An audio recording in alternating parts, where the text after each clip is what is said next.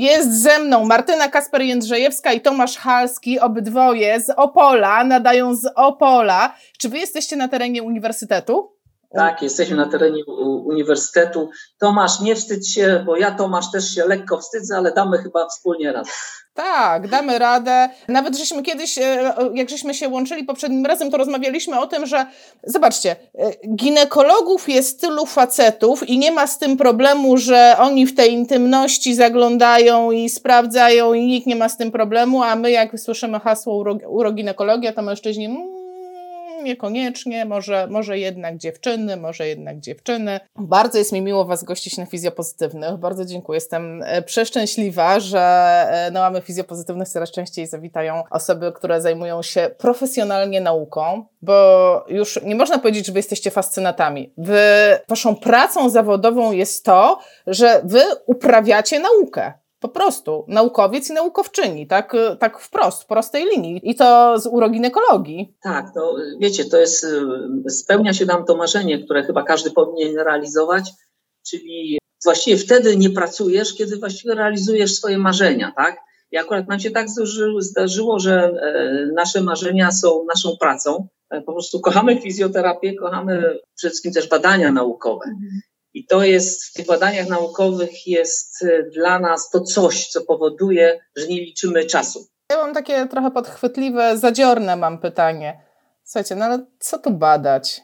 20 lat temu kończyłam studia, powiedzieli, jak ktoś nie trzyma moczu, no to tam jak za każdym razem, jak pójdzie do toalety, to robi ćwiczenia kegla, trzy razy sobie zatrzyma strumień moczu i po sprawie.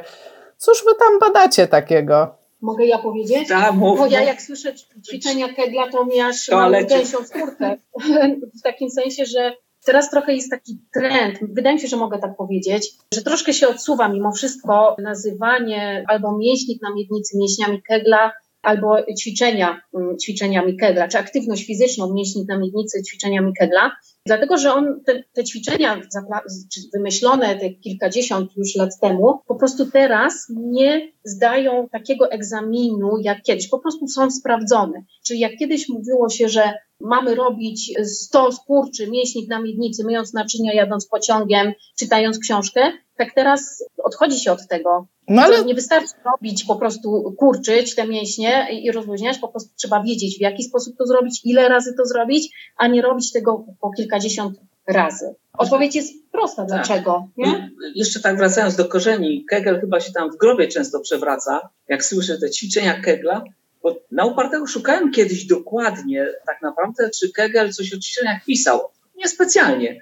Bo wiecie, jak to z Keglem było? On dużo jeździł. Między innymi gdzieś tam był w Afryce, chyba w południowej Afryce i zbadał tam jakieś plemię, bo jego zainteresował jeden fakt. Pomimo, pomimo mnóstwo porodów, tam kobiety w ogóle nie cierpiały na nietrzymanie moczu. Dlaczego? Zadał sobie takie pytanie i okazało się, że tam był taki zwyczaj, że szczególnie teściowe, teściowe po porodzie sprawdzały, jak wygląda napięcie tych mięśni na miednicy u tej dziewczyny, która przed chwilą urodziła. Jak sprawdzał? No wkładała tam dwa palce i mówiła naciśnij. Jak skurcz był efektywny, to, od, to co ona robiła? Mówiła do swojego synka, synku, możesz jechać z koksem. No ale, dobrze, ja, ja wszystkim zapowiedziałam, że będzie dzisiaj gorąco. Ale ja mam tak, pytanie tak, to, to wymyślił tak. wszystko. Ale to, no dobrze, pójdźmy, pójdźmy w tym kierunku. W ten sposób możemy stwierdzić, no, że jak ta teściowa tam te dwa palce włożyła i o, ta, ta, ta położnica tam zacisnęła, no to teściowa ma już dobrą metodę badawczą i u niej to działa. Jak zaciska, to będzie dobrze. Jak nie zaciska, to nie będzie dobrze. No ale dzisiaj byśmy powiedzieli o tym dowód anegdotyczny. No anegdotyczny, tak? No jednak to, jednak to jest doświadczenie tej teściowej, tak? To skąd my zasadniczo wiemy, co działa, tak? Tak się nazywa ten live dzisiejszy. No to, to, to, to ktoś to zbadał, ten, tego kegla? Bo wiele osób to wciąż robi. To żeby to nie było, wiele osób wciąż to robi. No tak, oczywiście wtedy, w tamtych czasach, zresztą teraz dalej są te tak zwane perinometry, czyli to, to jest coś takiego praktycznie jak stare to urządzenie do mierzenia ciśnienia. To taka gruszka, mm. oczywiście odpowiednio tam ukształtowana, wkładana do pokwy i po prostu kobieta naciska, naciska te mięśnie, napina, no i na słupku rtęci, czy tam inny, inny sposób, no w tej chwili rtęć jest zabroniona, tak, czy na jakimś tam zegarze, manometrze, widzi po prostu wartość tego ciśnienia i czy to się zmienia, czy się poprawia.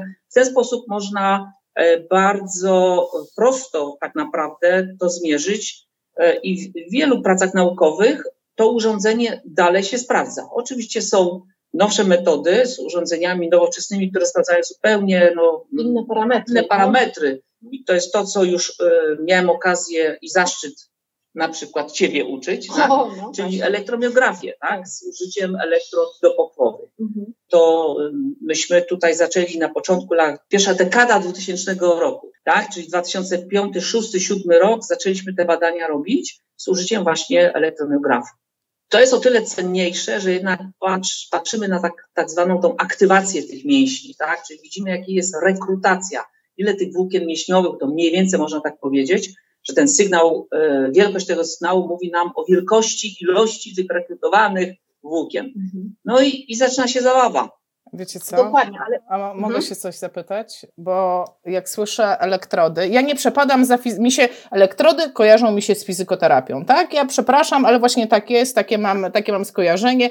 Nienawidzę prądu i jak sobie pomyślę, że ktoś mnie miałby w intymne rejony, gdzieś jakąś elektrodę, to nie wiem, to to są takie jak fizyko, takie dwie packi, nie wiem, druga, nie wiem, na głowę, na plecy, jakby gdzie plus, gdzie minus minus. Ja miałam przygotować, zaraz zobaczę tutaj w biurku, wydaje mi się, że jakąś mam, nie wiem czy nie rektalną akurat. Wspaniale. Może, natomiast są przeróżne elektrody i dobrze, że o tym mówisz, bo rzeczywiście dużo, e, dużo kobiet w ogóle ma obawy przed, przed aplikacją takiej elektrody, przed pierwszą wizytą, to tak jak na twojej relacji na Instagramie też się pojawiło takie pytanie, tak? Jak wygląda, jak wygląda taka wizyta? Tak, no przypomnijmy, przypomnijmy pytanie z Instagrama, przypomnijmy pytanie z Instagrama, bo ono też było ciekawe, czy na pierwszej wizycie fizjoterapeuta uroginekologiczny, to było coś w stylu będzie tyka... Musi badać broszkę, czy tak, bada broszkę. czy będzie tykał moją broszkę? Takie było pytanie, no cytujemy, tak? Po czy, e, poznać, po czy poznać fizjoterapeutę zajmującego się uroginekologią? Że w każdej szufladzie ma do odbytniczą na przykład elektrodę. Bez żadnego tam stresu i, i wstydu. Natomiast zobacz sama, że to jest tak naprawdę małe urządzenie, które nawet jest dużo mniejsze niż dopochwowe USG, które wykorzystuje lekarz. Także naprawdę niewiele dziewczyn, niewiele kobiet ma problem z aplikacją tej elektrody. Ale jeśli któraś z nich ma problem, to dla mnie już to jest wtedy czerwone, tak. e, czerwone światło. Czy ma tak napięte mięśnie na miednicy, że nie może tego zaaplikować? I tutaj już jest znowu kolejny etap mojego... Oczywiście, ale ona sama? Ona sama? Tak, jak to tak, wygląda? Tak, Opowiedzcie, jak to wygląda, taki proces. Chłopaki, nie bójcie się, naprawdę. Słuchajcie, na, e, nigdy nie spotkałem się z sytuacją, żeby na początku lekko są zażenowane, ale trzeba mieć ułożony profesjonalny tekst, jak ten zabieg będzie wyglądał i tak dalej. trzeba podkreślić, pani sama będzie wkładać sobie tą elektrodę. Ja wszystko pani powiem, tutaj nie ma tak. żadnego tak. problemu i tak dalej. Słuchajcie, nigdy mi żadna kobieta, facet mi odmówił zabieg, kobieta nie. A mi jednak chciała, żebym jej zaaplikowała tą elektrodę. Więc to wszystko zależy naprawdę od. Ale bez żadnych podtekstów. Tak, natomiast ym, naprawdę aplikacja tej elektrody jest bardzo, bardzo prosta i co ważniejsze, to akurat odnośnie naszych badań naukowych i tego, z jakiego sprzętu korzystamy, to akurat nigdy, jeśli się boisz prądu, e, mogę Ci zagwarantować, nigdy przez tą elektrodę nie przepłynie prąd bo urządzenie, które stosujemy do e, badań naukowych, ten elektromiograf, naprawdę takie dobrej jakości, że tak powiem, mamy szczęście, że możemy na tym pracować, nie generuje prądu. On zbiera aktywność bioelektryczną z mięśni, y, ale tego prądu nie wysyła w ciało pacjenta. I tutaj rzeczywiście często dziewczyny, kobiety oddychają z ulgą i, i wiedzą, że nie przytrafi im się taka sytuacja jak mi na przykład myślę, że to jest dobry moment, żeby o tym powiedzieć, bo, bo to jest nasza anegdotka, nawet moja na zajęciach, już wiecie, opowiadam wszystkim, kiedy Tomek zebrał kilka osób do, do badań naukowych, przyniósł nowe elektrody i to jeszcze elektrody, słuchajcie, były takie, które miały trzy kulki, była dużo dłuższa i miała trzy takie metalowe, złote kulki, tak, dobrze to tak, pamiętam. Tak. No i ja właśnie tak, żeby, nie wiem, wykazać się, zdecydowałam no dobra, się, tak. zdecydowałam się po prostu, żeby być pierwszą pacjentką. No i Tomek oddał elektromiograf. Akurat jeszcze korzystaliśmy z malutkich, takich terapeutycznych elektromiografów. Tak. W ręce moich kolegów, którzy na pewno teraz tego słuchają. Ja ich bardzo serdecznie pozdrawiam. Z nazwiska może nie wymienię. Natomiast e, tak się bawili prądem, e, że elektroda umieszczona w moim ciele i generowany przez nią prąd doprowadził mnie do omdlenia. Także ja się obudziłam na kozetce. Gdybym nie ufała ludziom, z którym jestem, no to nie wiem, co mogło, mogłoby się wydarzyć. Także tym generowaniem prądu rzeczywiście no, jest zawsze jakaś tam zabawa i nutka strachu. Jest ryzyko, jest zabawa, ale właśnie, ale e, my tak trochę się śmiejemy, ale to jest, ale to jest, słuchajcie, bo rozmawiamy e, żartobliwie i to jest super, bo ten temat trzeba, e, no, no, no trzeba go tak normalizować, ale z drugiej strony ja czuję sama, że gdybym się miała poddać takiemu badaniu, byłoby to związane ze stresem, a jak sobie pomyślę, że miałoby to być badanie per rectum, czyli na przykład próbuję się wczuć w rolę mężczyzny, gdzie no rozumiem, że tak ich się bada, no to jest to potwornie mhm. stresujące, że musisz sobie zaaplikować jakieś inne ciało w swoje ciało i czekać na litość tego, tej osoby, czy, bo, bo to jak na, jak na horrorach, podkręci czy nie podkręci? Asia, trochę tak. Znaczy, wiesz, oczywiście temat mężczyzn i nietrzymania moczu i tych badań szeroko rozumianych mięśni na, i dysfunkcji mięśni na winnicy, to jest oddzielny, długi temat.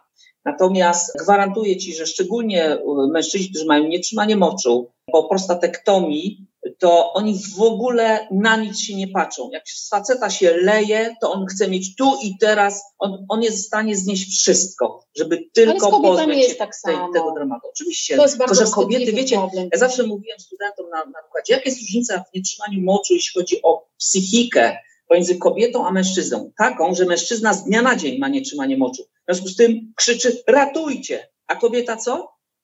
To na Co roku, nie, no. nie, co roku jest coraz gorzej, czyli co? Przyzwyczaja się. Potem rozmawia w wieku 40 lat z mamą, jeszcze być może z babcią, która już ma 80 lat i ona miała już 40-50 lat do tego, żeby przyzwyczaić się do tego, że na dwie szklanki moczu gubi, tak?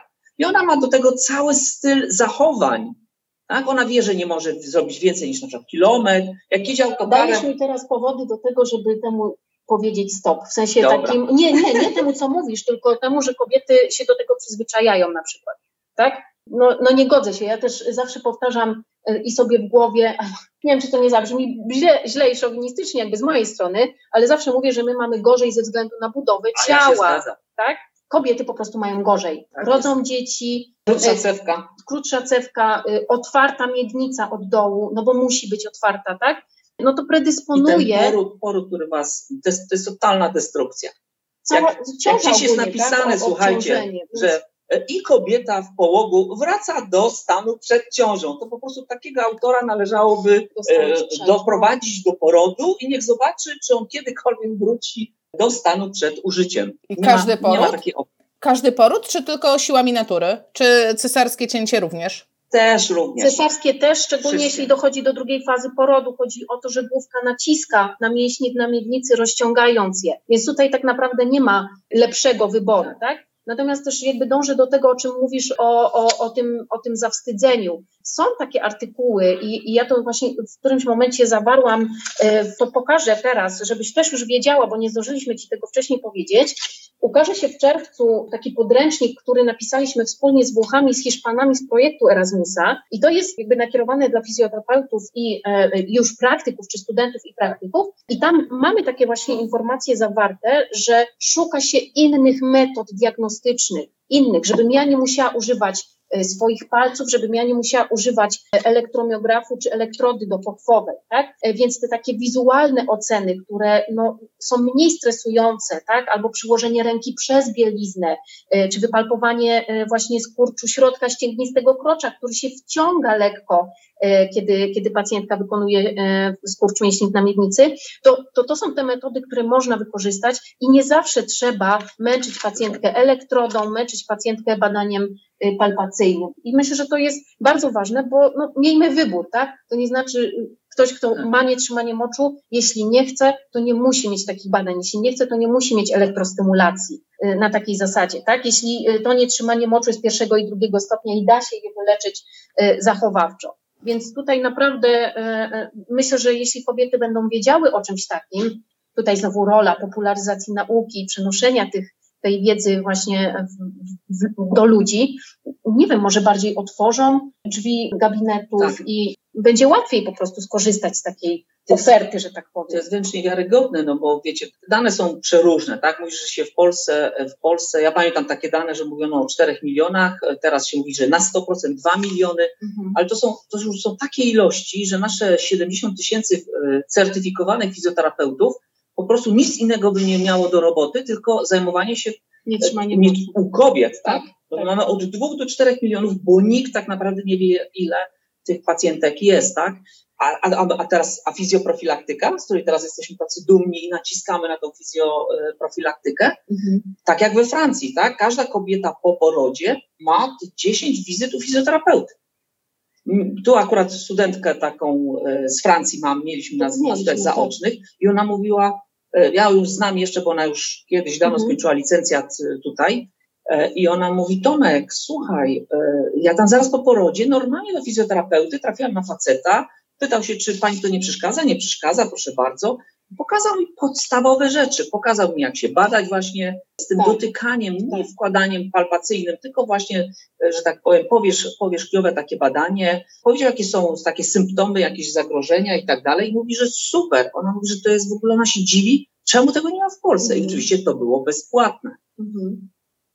No. Także to, to, Jest taka luka i tak jak e, też Asia powiedziałam Ci w piątek, że, że mam wrażenie, że wszyscy się zajmują tą fizjoterapią uro, urologiczną czy uroginekologiczną. Tak, jeszcze mam drugie spostrzeżenie, że spokojnie, dla wszystkich jest miejsce, że jest tak. naprawdę tyle do zrobienia w tym temacie, że myślę, że jakby teraz też jest dobry moment, że dwa nasze projekty Erasmusowskie zostały przyjęte y, chyba zachwytem. zachwytem tak, naprawdę. ciepłym przyjęciem i dotyczą właśnie dysfunkcji e, mięśni na miednicy u kobiet. E, leczenia zachowawczego, a drugi e, takiego postępowania szeroko pojętego fizjoterapeutycznego e, u dziewczyn po porodach różnymi drogami, tak? Więc widać, że mm, może kobiety oceniały te wnioski i, i stwierdziły, że, że, że, że to jest rzeczywiście potrzebne. No, nie wiem, no teraz sobie wymyślam, natomiast jest naprawdę dużo do zrobienia w tym temacie, więc, więc ta fizjoterapia urologiczna, uroginekologiczna myślę, że to jest kwestia czasu i będzie na uczelniach już w takim, takiej siatce godzin, które, które są obowiązkowe po prostu. Nie? Tak, wracając do Twojego pytania, jeśli chodzi o tą naukę, y, o te tak, metody diagnostyczne, takie obiektywne i tak dalej, to ja zawsze mówię studentom, słuchajcie, w ogóle fizjoterapia jest tak wdzięczna, jeśli chodzi o naukę, bo się dotkniesz każdego tematu, od razu masz temat badawczy. Ja nie zapomnę, jeden z pierwszych tematów, jeśli chodzi o nietrzymanie moczu, to było to, że wcześniej się zajmowałem a propos fizykoterapii, którą wykładałem przez 10 lat i prowadziłem ćwiczenia, Joasiu. Szkoda, że nie miałaś ze mną tych zajęć. Jak będzie Was to interesowało, to powiem Wam o stresie, jaki przeżyłem, jeśli chodzi o fizykoterapię. Ale najpierw Wam powiem o, o, o, o tę kwestię. Z racji tego, że zajmowaliśmy się takimi badaniami elektrostymulacją przepony, bardzo fajnie nam te badania wychodziły i w momencie, kiedy pojawił się temat nietrzymania moczu, to zastanawialiśmy się, jak fazy wdechu mają wpływ na napięcie mięśni na miednicy. Co jest, co jest jak gdyby łatwiejsze dla mnie, jaki stan jest dla mięśni na miednicy łatwiejszy, czy wdech, czy wydech. No okazało się, że istnieje coś takiego jak siła sąca płuc i to wiecie, gdzie to jest napisane? W Bochenku, nie pamiętam, w czwartym chyba tomie, małym, małym takim, jest coś takiego jak siła sąca płuc. Znaleźliśmy to. Mhm. Także Bochenek już o tym pisał w, swojej, w swoich podręcznikach. Nigdzie więcej potem tego nie znalazłem, słuchajcie, naprawdę. I rzeczywiście w tych takich naszych pomiarach wychodziło, że podczas wdechu jest odciążenie tych mięśni. Zobaczcie, jaka to jest wskazówka do ćwiczeń. Pamiętajcie, że w ogóle, tak mówię już ludzie mnogiej, że tam e, ginekolodzy mówią tak, albo urolodzy, dobra, to trzeba te krążki dopochwowe, niech tam, czy stożki, niech już tam ćwiczy. Hola, zaraz, przecież to są ćwiczenia z oporem. My mamy tutaj mamy z kobietą, która tak naprawdę musi mieć ćwiczenia w odciążeniu. To każdy fizjoterapeuta ma odruch. Zaraz, ćwiczenia w odciążeniu to jaka pozycja? No, odciążeniowa. Czy jak na stojąco? Absolutnie. Musi być leżąca, tak?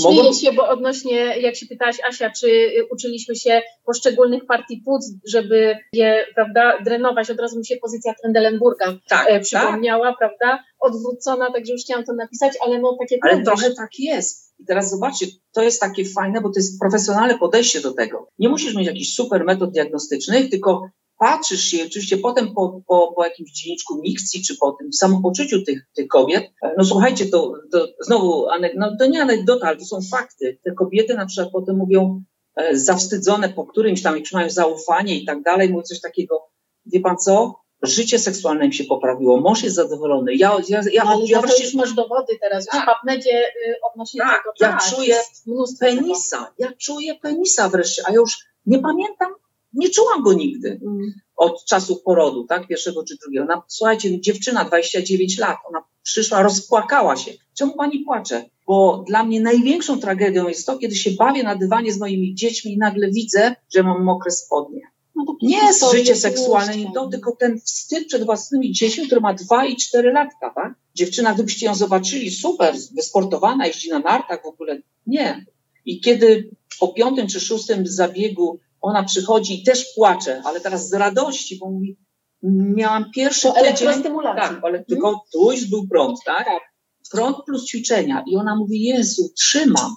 No. Mam sucho, Opowiedzcie coś o tym prądzie, bo ja, ja, bym chciała, no właśnie, no ja drążę, no bo to, to, to moje lęki się pewnie uzewnętrzniają, ale tak o ile mam wyobrażenie, na czym polegają ćwiczenia w uroginekologii, tak, że jest to pewnego rodzaju nauka kontroli tych mięśni, zarówno w kontekście nauki skurczu, utrzymania, ale jak i rozkurczu, co bardzo często podkreślają e, tak. osoby zajmujące się e, tą fizjoterapią uroginekologiczną, że w dwie strony to jest ważne. E, mhm. No dobrze, no to czy te ćwiczenia nie wystarczą? Jakby co daje mi ten prąd? Co dają mi te elektrody, czego nie dam sobie sama? Na czym to polega? No to jeśli w trakcie porodu, y, to, to, tylko chyba jedna odpowiedź jest na to, uszkodzenie nerwu stromowego w trakcie porodu, w trakcie nacięcia krocza, w trakcie pęknięcia y, krocza, tak? No bo prąd ma na celu przyspieszenie regeneracji, tak? Dobrze tak mówię? E, odbudowy, na tyle na ile nerwy mogą się odbudować. Obwodowy, tak? tak? Dokładnie. więc, więc tylko wtedy, i powiem Ci szczerze, Asia, że ja bardzo rzadko robię elektrostymulację mięśni na miednicy, bo po prostu nie muszę tego robić. To są naprawdę Słuchajcie. często skrajne przypadki tak. y, takiego uszkodzenia krocza, które rzeczywiście wymaga tej ingerencji z zewnątrz. Więc niekoniecznie fizjoterapia uroginekologiczna musi być bardzo mocno związana z elektrostymulacją. Nie musiałabyś tego robić, tak. jeśli czasami, jest, nie czasami tylko jest, tak, pamiętam takie kilka sytuacji, kiedy pomimo, że e, robili tam ten test, tak, z tą głowicą dopopową, proszę napiąć te mięśnie. No i patrzymy, kurczę, zero sygnału. Ta kobieta nie potrafi napiąć. Ja napinam pośladki, te wewnętrzne uda, tak, e, e, przewodziciele i tak dalej, mięśnie brzucha, wszystko co się da i trochę ten sygnał idzie w górę, ale ewidentnie widać, że to nie jest mięsień miednicy. Wystarczy wtedy kilka skurczów zainicjowanych elektrostymulacją. I teraz czuje Pani o co chodzi? Czuję, to jest coś tak jak, jak tam ta, ta, ta, ta elektrona dookoła tej elektrony, że coś się tam dzieje. To niech Pani teraz przez chwilę spróbuje razem, jak ten prąd płynie, popracować nad tym skurczem. I ona wtedy łapie w to. I na tym właściwie można skończyć całą zabawę. Jeszcze zapomniałam o tym, rzeczywiście, że mogę no. to wykorzystać, bo ja idę trochę w innym kierunku. Yy, zawsze mam... jestem tradycjonalista. Okej, okay. a ja y, jakby podobają mi się przeróżne takie podejścia odnośnie świadomości ciała, odnośnie tego, jak dziewczyny w ogóle postrzegają swoje ciało, czy one wiedzą, gdzie ta miednica jest, gdzie jest przepona oddechowa, jak one ze sobą współpracują. I tutaj akurat trochę bym y, się z Tobą nie zgodziła, ale to jest chyba naturalne, że, że tak mamy. Na wdechu, że na wdechu mięśnie dna miednicy spychane są przez przeponę w dół, więc się rozciągają. Więc teoretycznie powinieneś na wdechu je puścić całkowicie luźno, a na wydechu podciągnąć je w górę, no bo fizjologicznie przepona też idzie w górę, tak? Więc to na pewno są takie rozbieżności, natomiast zawsze dostosowane musi to być do pacjentki. I dobrze, że mi o tym przypomniałeś, bo ja szukam właśnie zaburzona praca przepony, jakieś nadmierne, wiecie, napięcia mięśniowe. Może nie, nie pracuję visceralnie, bo, bo, bo jeszcze nie umiem, ale zawsze chcę uwolnić przeponę po to, żeby ten oddech był swobodny, tak? Żeby ta, e, to torowanie mięśni na miednicy było niezaburzone niczym, postawą ciała, jakimś no, już nie chcę mówić o traumach, natomiast to też gdzieś tam ta psychosomatyka cały czas mi e, siedzi w głowie, więc rzeczywiście muszę do tego dodać może powrót do tej elektrostymulacji i, i zaoszczędzę trochę czasu. A ja mam, ja mam manualnej. Słuchajcie, dwa pytania mam na czacie. Jedno do Martyny, myślę, to będzie do Martyny. Aneta pisze, osobiście uważam, że tak jak nie masujemy przez ubranie, tak nie powinniśmy badać przez bieliznę. To mało profesjonalne. Jak ty się odniesiesz do tego w kontekście tego, że szukasz tej natury, szukasz no, tego, jak, jak to ciało pracuje? Wiadomo, że y, terapii manualnej nigdy nie robię przez, przez ubranie, aż takich y, możliwości palpacyjnych nie mam. Natomiast bardzo słucham pacjentek. Nie wiem, czy to jest pandemia, efekt pandemii, czy może wcześniej też tak miałam, ale bardzo mocno podążam za tym, czy ktoś chce w ogóle, żebym ja go dotykała. Wiecie, są czasem takie problemy e, natury emocjonalnej, a z takimi e, kobietami spotkałam się w trakcie, w trakcie doktoratu, że ja zaczęłam wątpić, czy ja w ogóle jestem w stanie ujednolicić grupę. Może też źle, że to mówię, ale, ale tak było, gdzie, gdzie te traumy, już nie mówię o takich naprawdę skrajnych, y, jak molestowanie seksualne, ale... Właśnie, a, a, a no tutaj... no, no, właśnie, czy to jest skrajne, prawda? Czy to jest skrajne? Więc to jest naprawdę dla mnie, to nie jest temat tabu, dysfunkcje na miednicy i problemy tego, tego rejonu ciała, natomiast naprawdę ten przeprowadzony wywiad dopiero pozwala mi na takie ingerencje manualne w ciało, w ciało kobiety. No nie wiem, czy dorastam, czy, czy więcej czytam. Ale Aneta, tak? Popatrzcie, my mamy taki jeszcze jeden projekt. Wykorzystujemy centra symulacji medycznych do ćwiczenia różnych symulacji wielokulturowych i, o, właśnie, i, no. i w takich, no, przede wszystkim wielokulturowych. I, I, co na przykład robimy? Na przykład mamy y, przedstawicieli społeczności romskiej mhm. i teraz jak zbadać kobietę społeczności romskiej, to w ogóle mężczyzna odpada, mhm. tak?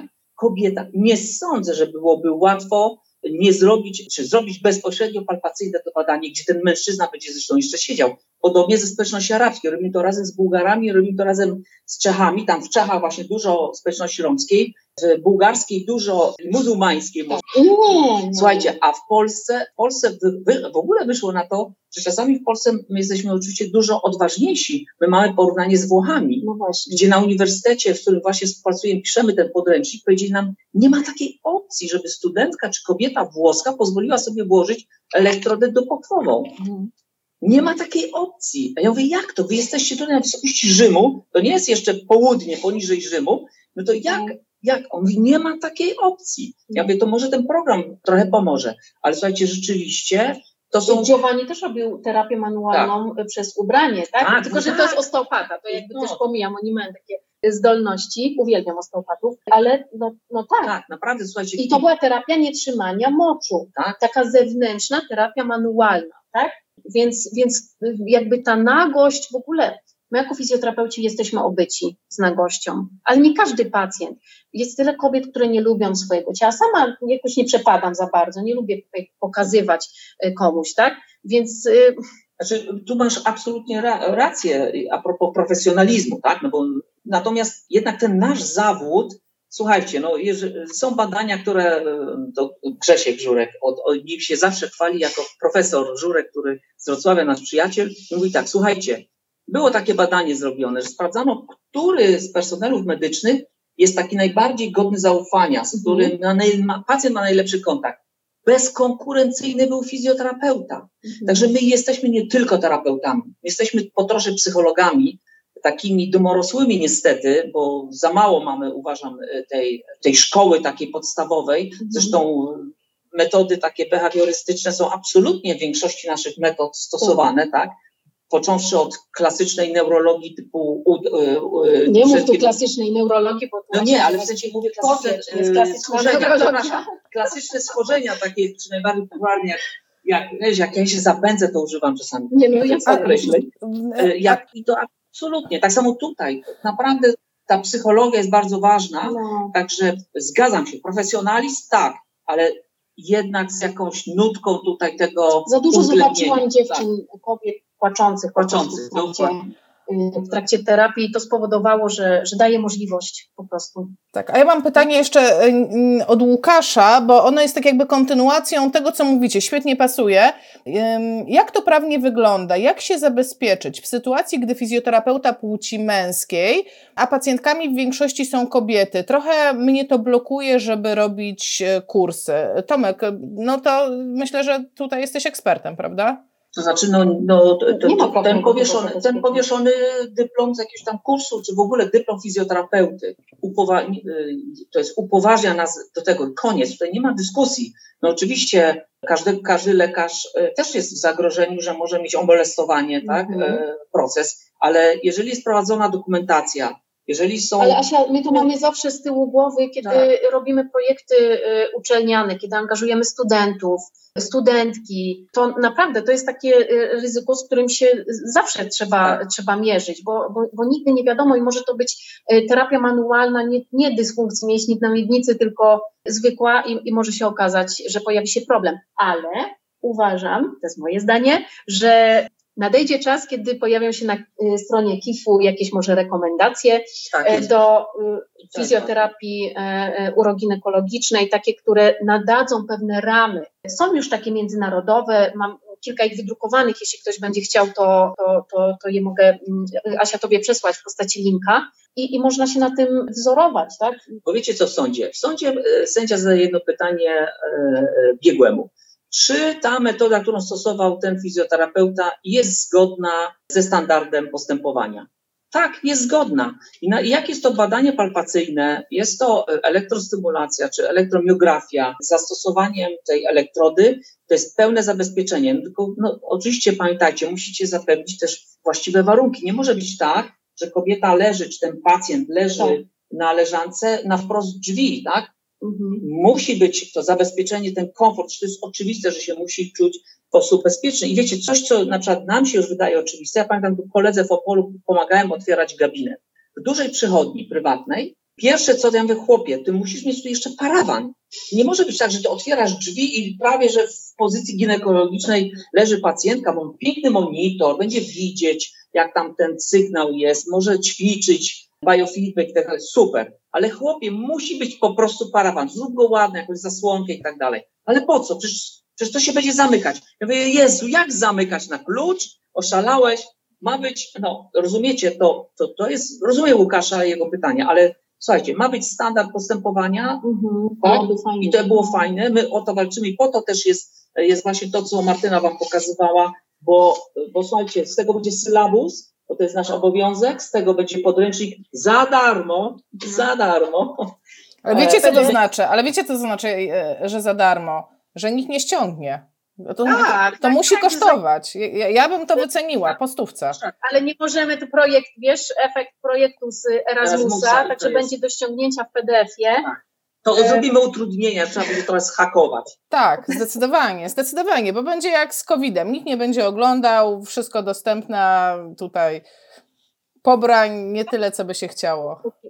Miałam taką sytuację na kursie y, kilka lat temu, kiedy dziewczyny y, były y, zdegustowane bardzo, że organizatorzy przenieśli badanie ultrasonograficzne, czyli była potrzebna jedna dziewczyna do badania ginekologicznego, na dzień wcześniej albo w ogóle na ten zjazd.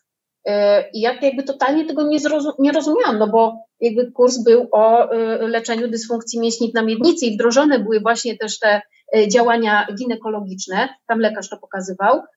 I na szczęście to się odbyło, bo naprawdę były głosy, że, że nie, że nie dzisiaj. Więc to też pokazuje, że idę na ten kurs, jestem świadoma tego, co tam się będzie działo, ale jednak muszę jakoś do tego, wiecie, się przygotować psychicznie, tak? Więc, y, I też dlatego, słuchajcie, zanim cokolwiek, jakikolwiek ruch wykonamy, to absolutnie musi być wszystko opowiedziane. Dokładnie. Dlatego warto sobie przygotować naprawdę na piśmie. O, to taką, jest, to naprawdę, jest warunek, słuchajcie, co mam powiedzieć, po prostu się tego nauczyć. Naprawdę, nauczyć się na pamięć, bo je, jednego zdania, w którym opisujecie, że to, y, ta ruch ręka palca, będzie, ruch palca, coś tam, nagle no. będzie źle odebrany. I teraz, jeżeli wy macie taki standard i on prawie że wisi, tak, czy on jest w kartotece e, i to mówiliście pacjentowi, każdy biegły wam mówi, tak, idę oczywiście już całkowicie ten, ale to jest pełna dokumentacja. Zresztą no, to na, nam teraz narzuca prowadzenie dokumentacji. Musimy pacjentowi powiedzieć, co będziemy robić, jaką ma alternatywę.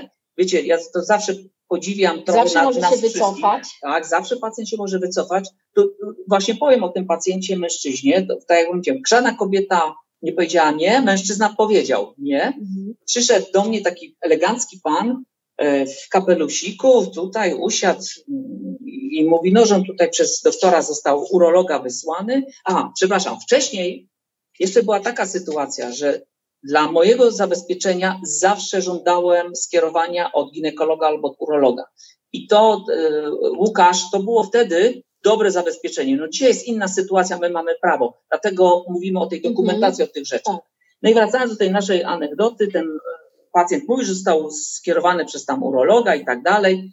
No i ja właśnie profesjonalnie zacząłem opowiadać, że to będzie elektrodą odbytniczą, że włożę tą elektrodę i widzę, że ten facet się tak zamyka w sobie, tak się pochyla, złapał się tak, nie, trzymał ten kapelusz tak w, w rękach na kolanie i tak, i dalej ja mówiłem, tym bardziej on się pochylał, w którym momencie nałożył kapelusz, podniósł się, nie popatrzył mi w oczy i mówi tak, wiedziałem, stał i wyszedł. Nigdy już tego człowieka więc nie spotkałem, nie wiem o co chodziło. Ja słyszę, co, co Nawet nie powiedział. Dlatego te granice, każdy ma, ma swoją określoną Dokładnie. granicę i nieważne, czy to jest kobieta, czy mężczyzna, czy po pięciu porodach, no mówię, y, y, sytuacja, gdzieś tam stan psychiczny y, y każdego człowieka jest naprawdę aktualnie u mnie na pierwszym miejscu. No tak. Tutaj Anita pisze, e, że Polskie Towarzystwo Uroginekologiczne ma wytyczne dotyczące badania oraz wzór formularza świadomej zgody na badanie, terapię manualną, etc. Może... Właśnie o tym miałam powiedzieć, bo tak. po tym kursie jestem i tam rzeczywiście e, na którymś z modułów dostaliśmy wzór zgody, e, którą zawsze, ja akurat jeśli prowadzę badania, jeśli prowadzimy badania, no to musimy mieć taki wzór, ale dla pacjentów też, też też to mam, więc to jest moje zabezpieczenie też przed tym y, niechcianym, że tak powiem, ruchem tak. źle odebranym. Działalność tego towarzystwa właśnie jest, jest, jest dobra w tym kierunku, chociaż tam oczywiście w historii e, dość, dość mocny był bunt ze strony urologów, chyba i ginekologów, także, ale to nie wchodźmy w to, bo to są e, nieprzyjemne takie a, jakieś dziwne rzeczy, zachowania, których ja osobiście bardzo nie lubię i dlatego czasami się cieszę, że jestem naukowcem, a nie e, takim praktykiem, który czasami jednak chcę mieć takie, ta, właśnie taką podporę ze strony, czy współtworzyć pewne rzeczy, tak? I, mhm. i e, myślę, że my jako fizjoterapeuci przeszliśmy ten etap takiego raczkowania i teraz dzięki jednak temu, że mamy te prawa wykonywania zawodu, to jest ogromny, e, ogromny krok. Jesteśmy teraz w tym wieku co najmniej młodzieńczym, a jak nie już dojrzałym, w sensie mhm. po osiemnastce. Myślę, że powinniśmy wiele rzeczy zrobić i to, co, co widać przez cztery lata KIP e, zrobił czy nie zrobił, ale jest już mnóstwo takich elementów właśnie te, tej układanki, gdzie wydaje mi się, że to, co powiedzieliśmy i między innymi nawet te wytyczne Towarzystwa Urginekologicznego, super, to powinny być z czasem właśnie rekomendowane tak. przez KIF.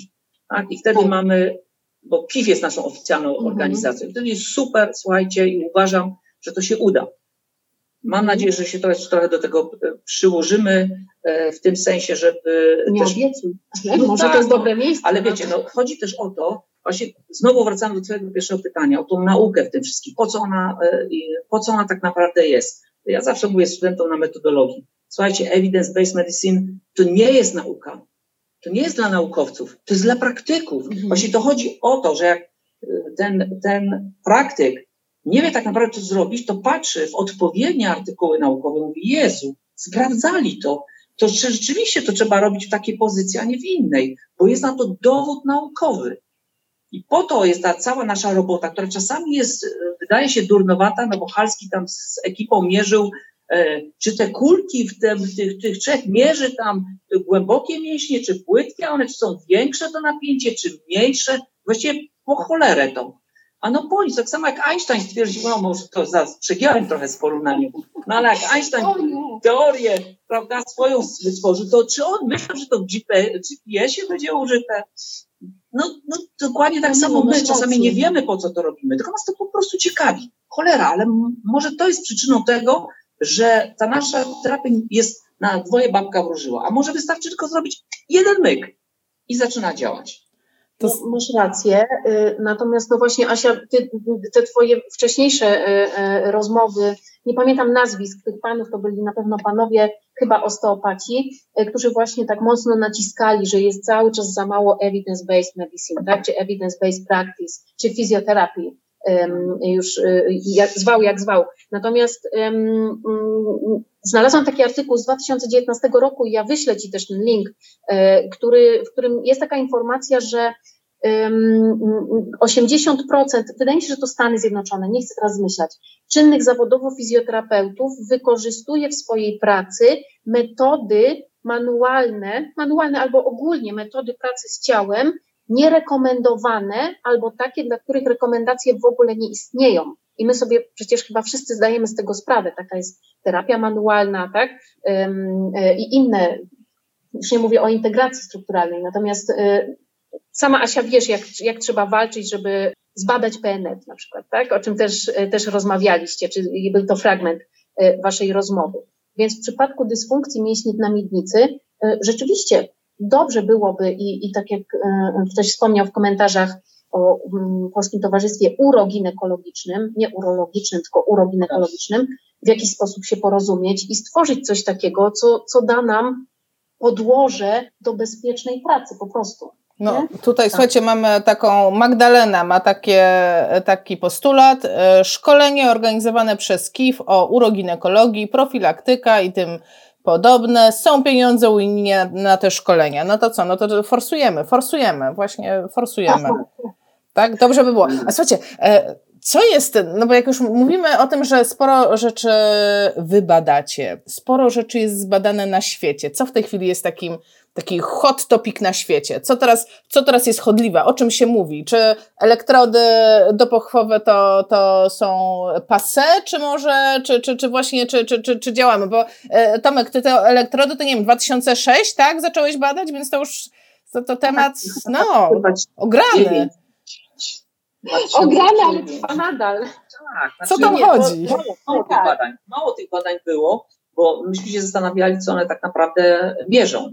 Bo to było podstawowe pytanie. I, i tak parę pomysłów nie, nie zrealizowaliśmy ze względów organizacyjnych czy braku innego sprzętu, e, ale. Mm, bo głównie chodzi o to, że cały czas szuka się i, i tutaj też, e, Asia, dla osób, które będą chciały um, kilka takich nazwisk, że tak powiem, gorących, E, Ptaszkowski, Oleksy, Chmielewska, e, to są Polacy, nasi koledzy, bardziej Tomka, profesor Chmielewska, którzy szukają na przykład pewnych norm, jeśli chodzi o elektromiografię. Jeśli ja jako fizjoterapeuta praktyk bazuję na badaniu diagnostycznym, jakim jest elektromiografia, to fajnie by było mieć normy jakieś, gdzie ja każdą z pacjentek jestem w stanie sobie odczytać, słabe, ok, mogą być przyczyną, trzeba je wzmacniać, a u drugiej są nadmiernie napięte, więc muszę je bardziej rozluźniać. Natomiast na ten moment nie ma czegoś takiego, jak normy w przypadku elektromiografii. Kuba Ptaszkowski szuka norm u kobiet z nietrzymaniem moczu, y, a grupa właśnie mm, mm, mm, Oleksy to jest nazwisko, u zdrowych kobiet. Więc jest szansa na to, że w końcu terapeuci poznają coś, do czego będą mogli się odnieść, tak? Że będę wiedziała, że to jest hipertoniczne dno miednicy, potrzebuje rozluźnienia, a to muszę wzmacniać ćwiczeniami Kegla. A, a co do topów, to, to oczywiście te, te, te, tematy takie, no to przede wszystkim chodzi o skuteczność, tak? Że, Myślałam, że powiesz o obcasach, bo to, to jest zaraz, no, Tomka ulubiony takie, temat. To są takie, no to też jest już stare. Ale cały czas trwa. Tak. Dziewczyny tak, z, naszego, z naszej drużyny, że tak powiem, też na którejś konferencji tak. przedstawiały, tak? Tak. Pamiętajcie o tym, że też bardzo ważnym tematem cały czas, i to jest cały czas nieskończony temat, e, bo jest nieskończenie wielki, to jest co ma wpływ na to nietrzymanie moczu. Mhm. No bo w końcu y, większość kobiet rodzi, y, ale nie większość ma nietrzymanie moczu, także nie można wszystko zwalać na poród, tak? Mhm. Y, nie, nie, wszystko można zwalać, nie wiem, na otyłość. Na menopauzę. Na, na menopauzę, na mhm. podawanie oksytocyny podczas porodu, tak? Chociaż na przykład jest dość silny związek i tak dalej, i tak dalej. I to, to jest cały czas szukanie tego. To, to już to co, to, to, co Marta wspomniała o tych obcasach, tak, że sprawdzali, jak wysokość obcasów wpływa na, e, na napięcie tych mieścin na mięśni. Nie na pojawienie się nietrzymania, tylko na napięcie, tak? I tam stwierdzili, że mokasyny, płaski obcas, e, no kiepskawo, wcale to nie, napięcie wcale nie było takie dobre. Czyli lekki obcas, czyli lekki obcas jest skazany. Aha, tak? Nie no. najwyższy. E, ja myślę, Asia, że tutaj też jeszcze trzeba powiedzieć o e, takim teraz, myślę, chodliwym temacie jak biopensegracja. Co prawda to jest zbiór tak zwanych case study, czyli opisów przypadku, ale dziewczyna z Anglii opublikowała pracę, w której stosuje terapię manualną opartą na biotensegracji, czyli całościowym postrzeganiu ciała pacjentki. Więc ta terapia jest dostosowana do postawy ciała, do y, funkcji zaburzonej lub nie, tak? Także dla mnie to jest taki, y, taki znowu kierunek, który mi pozwala naprawdę spokojnie tak. pracować. Słuchajcie, bo to jest to, jest to co, co właśnie Kuła Ptaszkowski miałem okazję też przy tych badaniach robić, bo myśmy się zastanawiali tak naprawdę, jaki jest wpływ przodo czy tyło pochylenia miednicy na nietrzymanie moczu, w ogóle na napięcie tych mięśni. Mhm. Słuchajcie, to to, co udowodniliśmy przez przypadek tak naprawdę, bo myśmy dość robili to statycznie. Przodopochylenie wymuszone e, albo tyłopochylenie. Ale Kuba w którymś momencie zaczął mierzyć to podczas ruchu, mhm. tego tak zwanego tilt, tak? tak. Tilt do tyłopochylenia i ten ruch do przodopochylenia. I okazało się bez gadania, że ruch do, w tym tyłopochyleniu, w kierunku tyłopochylenia daje największy skurcz. Czyli kobieta osiąga wtedy, jak napina te mięśnie na miednicy, podczas tego ruchu, nie w pozycji, tylko podczas ruchu. Dlatego te kobiety na tych obcasach mają lepsze napięcie, większe, no bo ten, jak kobieta chodzi nie na hakach, ja zawsze to mówiłem na biomechanice, zobaczcie, jak, kiedy na kobieta ma wysokie obcasy i brzydko chodzi, no bo stawia duże kroki, idzie na tak zwanych hakach czyli ma zgięte stawy kolanowe i zgięte biodrowe. Co się dzieje wtedy z miednicą? Jest tragicznym przodopochyleniu. No to tak? ma gorsze napięcie. Nie, bo kobiety ładnie chodzicie na wysokich obcasach i chodzicie na prostych kończynach. W związku z tym wymuszacie wtedy A, tyło okay. pochylenie, jak ładnie chodzicie na obcasach. Ładnie chodźcie, nie będziecie miały, nie, dobre będziecie miały napięcie mięśni na miednicy. To, I to na przykład pokazuje, że przez naukę, że przez naukę da się sprawdzić, tak. na przykład słuchajcie, ruch ćwiczeń, tak? Czyli na przykład te wszystkie e, napinania połączone z ruchem w kierunku tyłu pochylenia miednicy, super. To jest to. ćwiczenia Kegla plus ruch na przykład. Tak, tak? jest. W tył. No, to jest dobry tak, wniosek. Rozumiecie? I czyli to ma sens ta nauka. Czasami to jest przez przypadek, czasami jest to zamierzone, rzadko kiedy jest tak naprawdę zamierzone. No. To, to ja się tak... wydaje, że na pewno działa. To ja mam takie pytanie, e, takie, takie, takie, takie bardzo ogólne, ponieważ już wspomniałeś e, o tym, że mamy pewne korelacje, e, tak jak podawanie oksytocyny, z prawdopodobieństwem zwiększonym, że potem kobieta będzie mieć nietrzymanie moczu. Rozumiem, że, że nie znamy przyczyny wprost, ale wiemy z jakimi czynnikami potrafi korelować nietrzymanie moczu. Powiedzcie, co to są za czynniki? Ja myślę, że każdy chciałby wiedzieć, bo na przykład dla mnie to jest zaskakujące, że oksytocyna, tak? Co, co jeszcze koreluje z nietrzymaniem moczu? I od razu zadam drugie pytanie, bo potem nie, nie dotrę, nie, nie, nie wbiję się z tym pytaniem. E...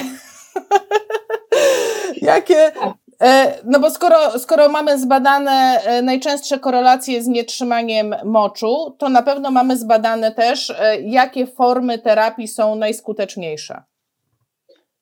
Martyna Dokładnie. Jest, ja, jest bardzo korekt. Nie, nie jestem korekt, w sensie ale mm, nazwisko Norweżki, naszej chyba tak naprawdę jednej z ważniejszych osób, jeśli Guru. chodzi o. Dokładnie. Karibo e, e, w 2020 roku opublikowała e, taki artykuł, on jest open access, czyli dostępny dla wszystkich. Physiotherapy Management of Urinary Incontinence in Females. I tu w środku jest taka tabelka, Asia, zobacz jaka duża, odnośnie czynników ryzyka. Ja wiem, że tego nie widzisz, natomiast one są podzielone na predysponujące, na wywołujące, tak? Na przykład poród będzie wywołującym i tutaj na przykład są e, zaparcia, y, otyłość, y, przeprowadzone operacje w obrębie jamy brzusznej i na miednicy, choroby płuc, palenie, cykl menstruacyjny, czyli to w jakim cyklu konkretnie jesteśmy, to znowu też jest temat rzeka, hormony, oczywiście starzenie się organizmu, e, uszkodzenie nerwów, nieważne czy przy pęknięciu krocza, czy przy porodzie, e, ale także w trakcie, czy przy cukrzycy. Tak? Infekcje, tak? słuchajcie, infekcje pęcherza.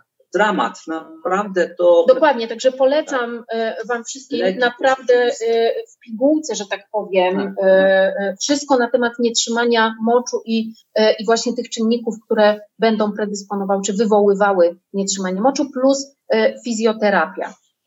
Jeśli, to też mam taki dla, dla słuchaczy, dla studentów różnych uczelni taki trik, jeśli jakiś artykuł jest na przykład zablokowany, to często wystarczy się połączyć z internetem uczelnianym przez Wi-Fi e, i zazwyczaj jest do niego dostęp, bo uczelnie mają, e, mają wykupione pewne takie abonamenty i pakiety. Jak zawsze o tym mówię, to studenci piszący magisterkę mówią nie, nie wierzą, że. A, a, pisali ze streszczeń tą magisterkę na przykład, nie? Więc, więc y, naprawdę jest y, mnóstwo dostępnych, y, bardzo istotnych. Mam całą teczkę tego, jak Asia będziesz chciała, to ci prześlę w ramach podziękowania za, za, to, za to spotkanie kopię tych wszystkich dokumentów. Ja myślę, że wstawimy to po prostu linki pod tym live'em i pod transmisją e, na YouTube. Ja po prostu je umieszczę, żeby każdy oglądając teraz nie live, tylko później mógł sobie odklikać to i ściągnąć. Tutaj był taki postulat też e, od Małgosi, mm, na czacie, że KIF też powinien zrobić kurs na temat umiejętności czytania badań naukowych.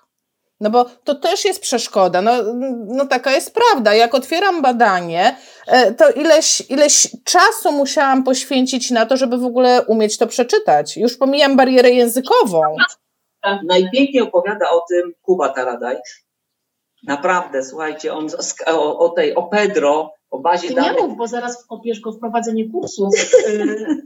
o to powiesz Ale słuchajcie, nie, ale tak poważnie też mówiąc, znaczy to jest poważnie, bo Kuba tak. naprawdę to jest fascynat e, w ogóle nauki, ale słuchajcie, ta, ta Pedro, pisze, piszecie sobie Pedro i to jest baza tych artykułów fizjoterapeutycznych i myślę, że już na każdej uczelni e, młodzi studenci są teraz, teraz o tym uczeni, ale może dla, dla praktyków o, o tym nie wiecie, słuchajcie, jest ta Pedro, wpiszecie Pedro, znajdziecie e, to i tam są... Um... Wiesz co, zatrzymam Cię na chwilę, Dobra. bo Asia, myślę, że Ty o tym wiesz, ten podcast, y, z którymś właśnie z tych osteopatów, który mówił o evidence. Z Karolem. Y, tak szeroko on to opowiada, A, że okay, ja naprawdę super. mocno się na tym skupiłam.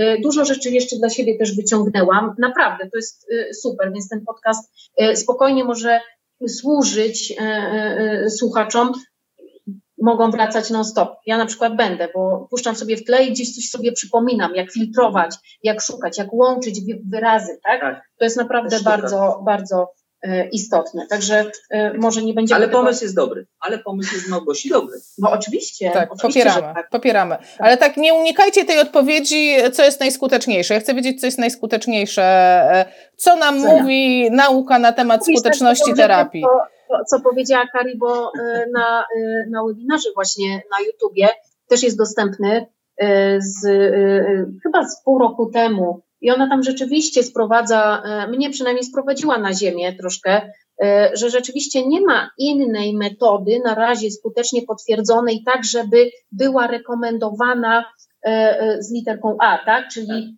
rób, możesz wykonywać bez żadnych, e, e, e, że tam nie musisz się zastanawiać, po prostu jest tyle randomizowanych badań klinicznych odnośnie aktywności fizycznej czy ćwiczeń, nie ćwiczeń Kegla, ale ćwiczeń mięśni na miednicy w różnych konfiguracjach, naprawdę przeróżnych, bo jest ich mnóstwo.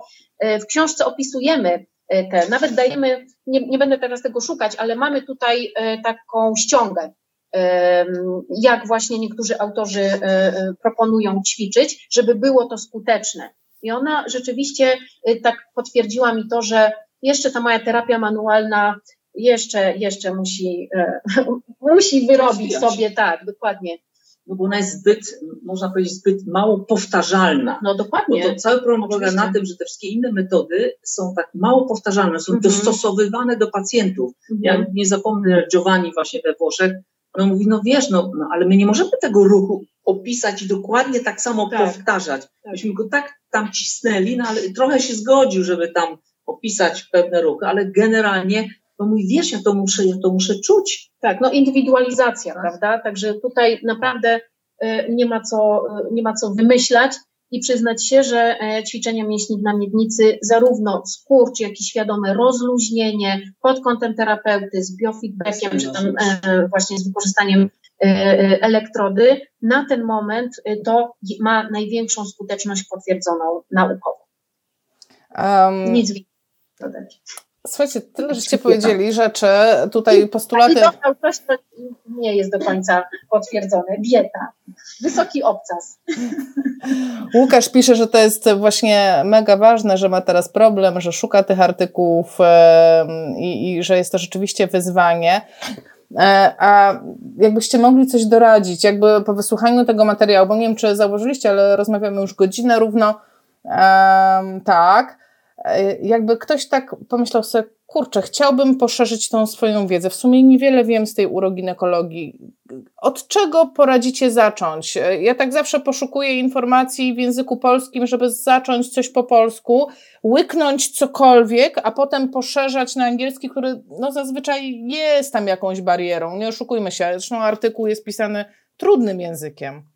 Tak, tak. Y, wiesz co, mam tutaj z tyłu zestaw książek, one są akurat y, po angielsku bo, i zapomniałam niestety tej, która jest po polsku, wydana niedawno o osteo, osteopatycznym podejściu, nie chcę teraz zmyślać, właśnie o, o uroginekologii. Nie, te nie są przetłumaczone na polski, natomiast y, ta, y, o której mówię, jest i ona jest naprawdę bardzo przystępnym językiem napisana, także książki, ale też kursy. Ja na przykład, no nie wiem, czy to dobrze zabrzmi, że tak powiem, nie chcę tutaj się jakby, nie, nie wiadomo kogo, kogo z siebie robić. Natomiast dla mnie y, kurs, na którym byłam właśnie y, w Krakowie, on był za prosty na przykład. Ja już byłam po iluś tam y, latach nie tylko pracy, ale też właśnie po kursach na przykład tam z osteopatycznych podejść i ja tam trochę się nudziłam. Więc wiem, że jest to dostosowane do osób, które nie mają naprawdę żadnego pojęcia i mogą się tego nauczyć właśnie tam. Więc mi brakowało takich, wiecie, już smaczków, e, trochę może niepotwierdzonych e, naukowo, tak, e, innych takich działań, ale rzeczywiście kurs trzymał się tych określonych postępowań, które tą skuteczność mają i myślę, że rzeczywiście no, spokojnie można zacząć od podstawowego Powiem Wam tak, najlepszy nie, kurs robiłaby Lucyna i Martyna. No. One by robiły najlepszy kurs, tylko im się nie chce. Nie mówiąc już o mnie, nie, no w sensie nie takim, tak, że po nie, prostu żartuję. jeszcze kilkanaście lat roboty i dopiero Wiem, potem. Bo one są bardzo, e, słuchajcie moi drodzy, jak będziecie kiedyś słyszeli Lucyna Ptaszkowska i Martyna Jędrzejewska robią kurs, to, to idźcie, ja go sam będę polecał bo naprawdę macie, obie macie super wiedzę. Lucyna dzisiaj nie mogła tutaj być z nami, ona jest w naszym, w naszym zespole. My po prostu ciężko też ten czas tutaj e, wygospodarować, bo to jest coś takiego, że myśmy.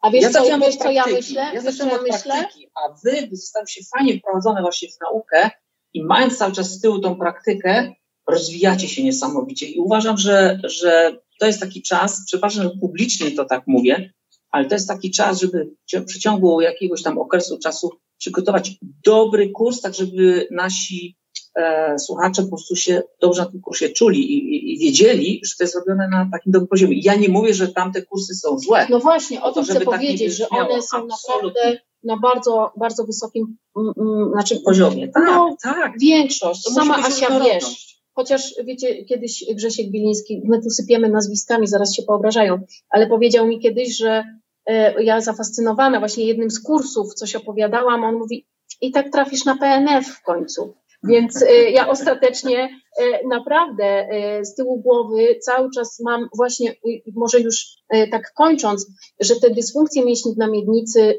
bardzo mocno jakby opierają się na zaburzonej pracy systemu nerwowo-mięśniowego. I myślę, że to nie jest dla nikogo zaskoczeniem, że jak pracuję z mięśniem, to pracuję z układem nerwowym, a jeśli z układem nerwowym, to dlaczego nie PNL?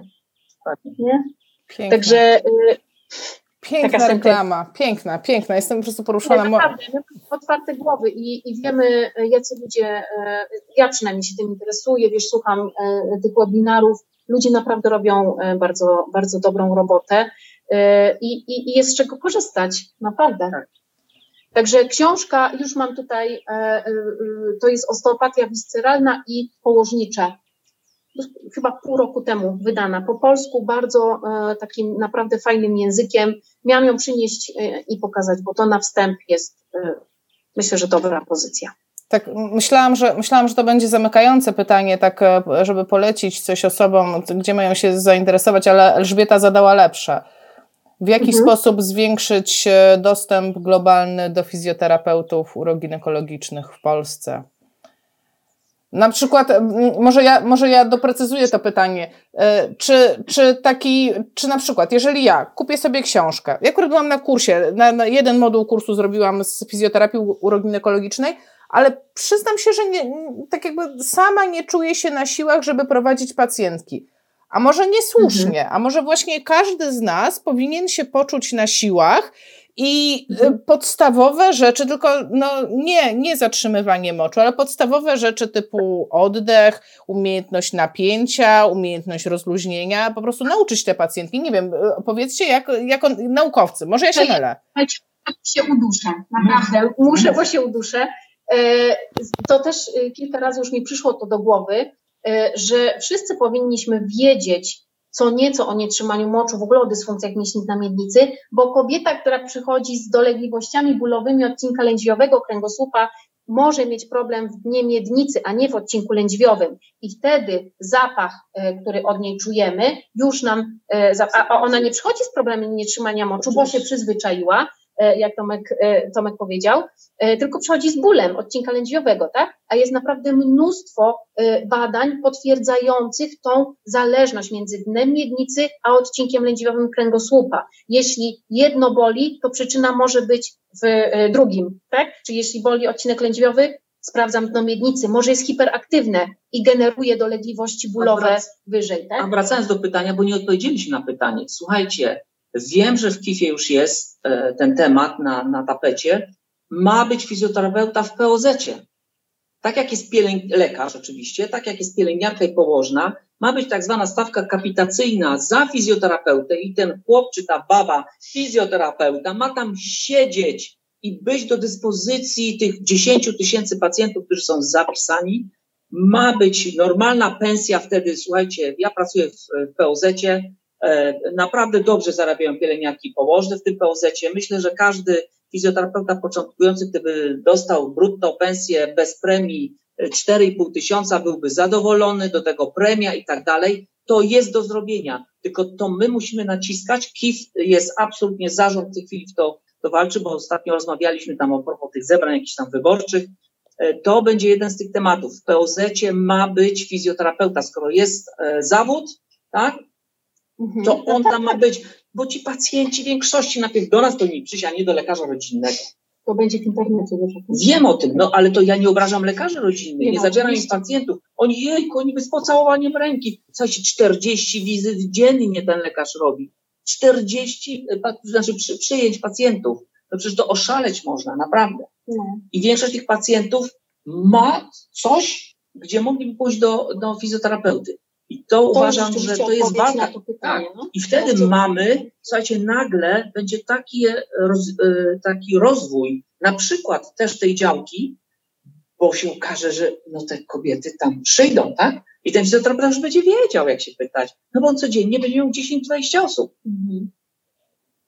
Także słuchajcie, no. naprawdę E, to jest temat, fajnie, cieszę się, że, że, że, że, są fizjoterapeuci, którzy się tym tematem zajmują. Cieszę się, że założyli towarzystwo, cieszę się, że tworzą kursy, bo to jest, to jest coś, co ja mogę powiedzieć, że właśnie z lenistwa zaniedbałem, bo to jest e, najgorszy grzech, grzech zaniechania, że nie wpłynąłem na przykład osobiście, znając się trochę na tym, na rozwój jako taki organizacyjny. No ale no nie można wszystkiego w życiu robić.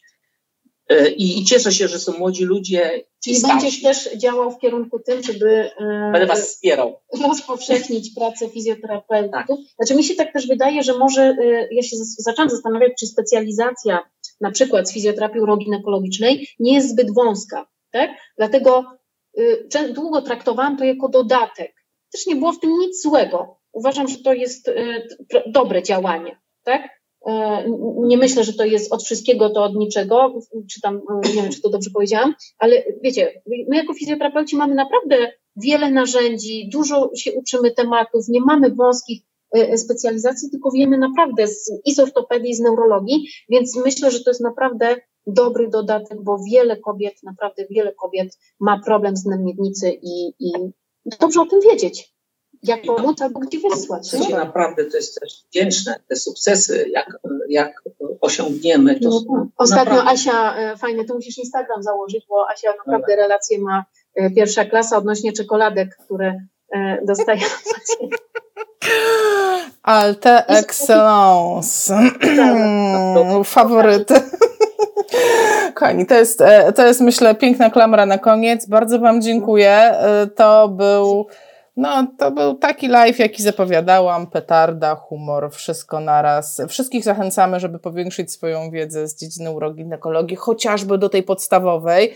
Wyrzucamy do śmieci zatrzymywanie moczu, ale wdrażamy chociażby podstawową profilaktykę. Padło wiele pytań, więc już Wam mówię, że będą na Was polować osoby, które będą chciały ściągnąć tą publikację, o której mówicie.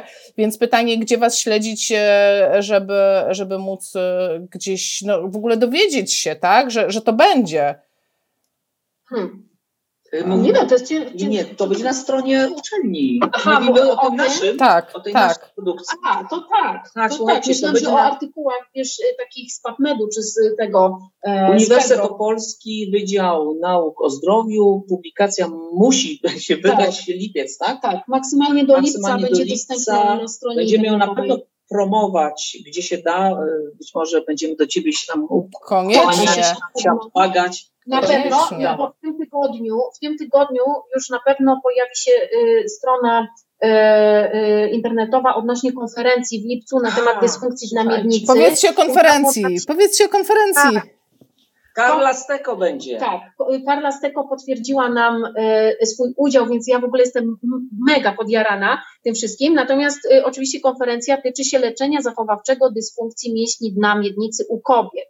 E, no i oprócz naszych tam krótkich wystąpień, udało nam się dzięki Hiszpanom, naszym kolegom, zaprosić dla nich więc daliśmy im większy wybór, bo to oni nas zaprosili tak naprawdę do, do tego wydarzenia, więc część e, hiszpańskich prelegentów, ale jest też oprócz Carlis Deco, e, Andrzej Pilat, nie wiem czy kojarzysz, e, to jest jeden z autorów właśnie tej książki Roberta Szlajpa na temat powięzi. Także no, naprawdę szykuje się bardzo fajny event. Szkoda, że online, ale razem z podręcznikiem, razem właśnie z tymi wystąpieniami takimi e, hot topic, myślę, że będzie fajnie. Gdzie szukać informacji o konferencji? Też na stronach uniwersytetu? Też. Słuchajcie, tak. Uniwersytet Opolski dzisiaj oblężenie, po prostu no musicie tam wchodzić.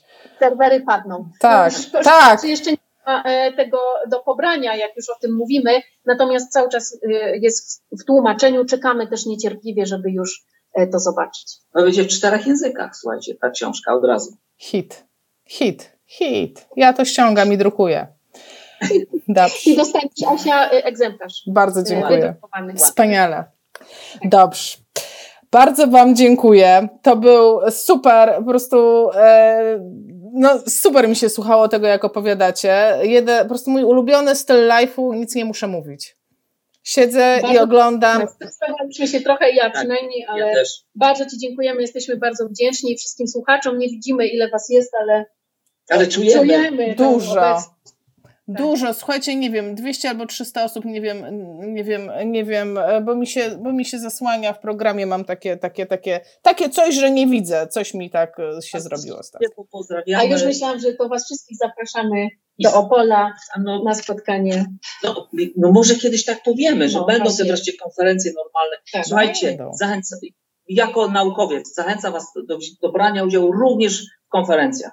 To jest bardzo ważna rzecz w własnym rozwoju i trzeba jechać. Fajne wieczory. Popieram, popieram. Dziękuję bardzo. Wszystkiego dobrego. Do zobaczenia. Bardzo dziękujemy. dziękujemy Wszystkiego bardzo. dobrego. Trzymaj się. Pa.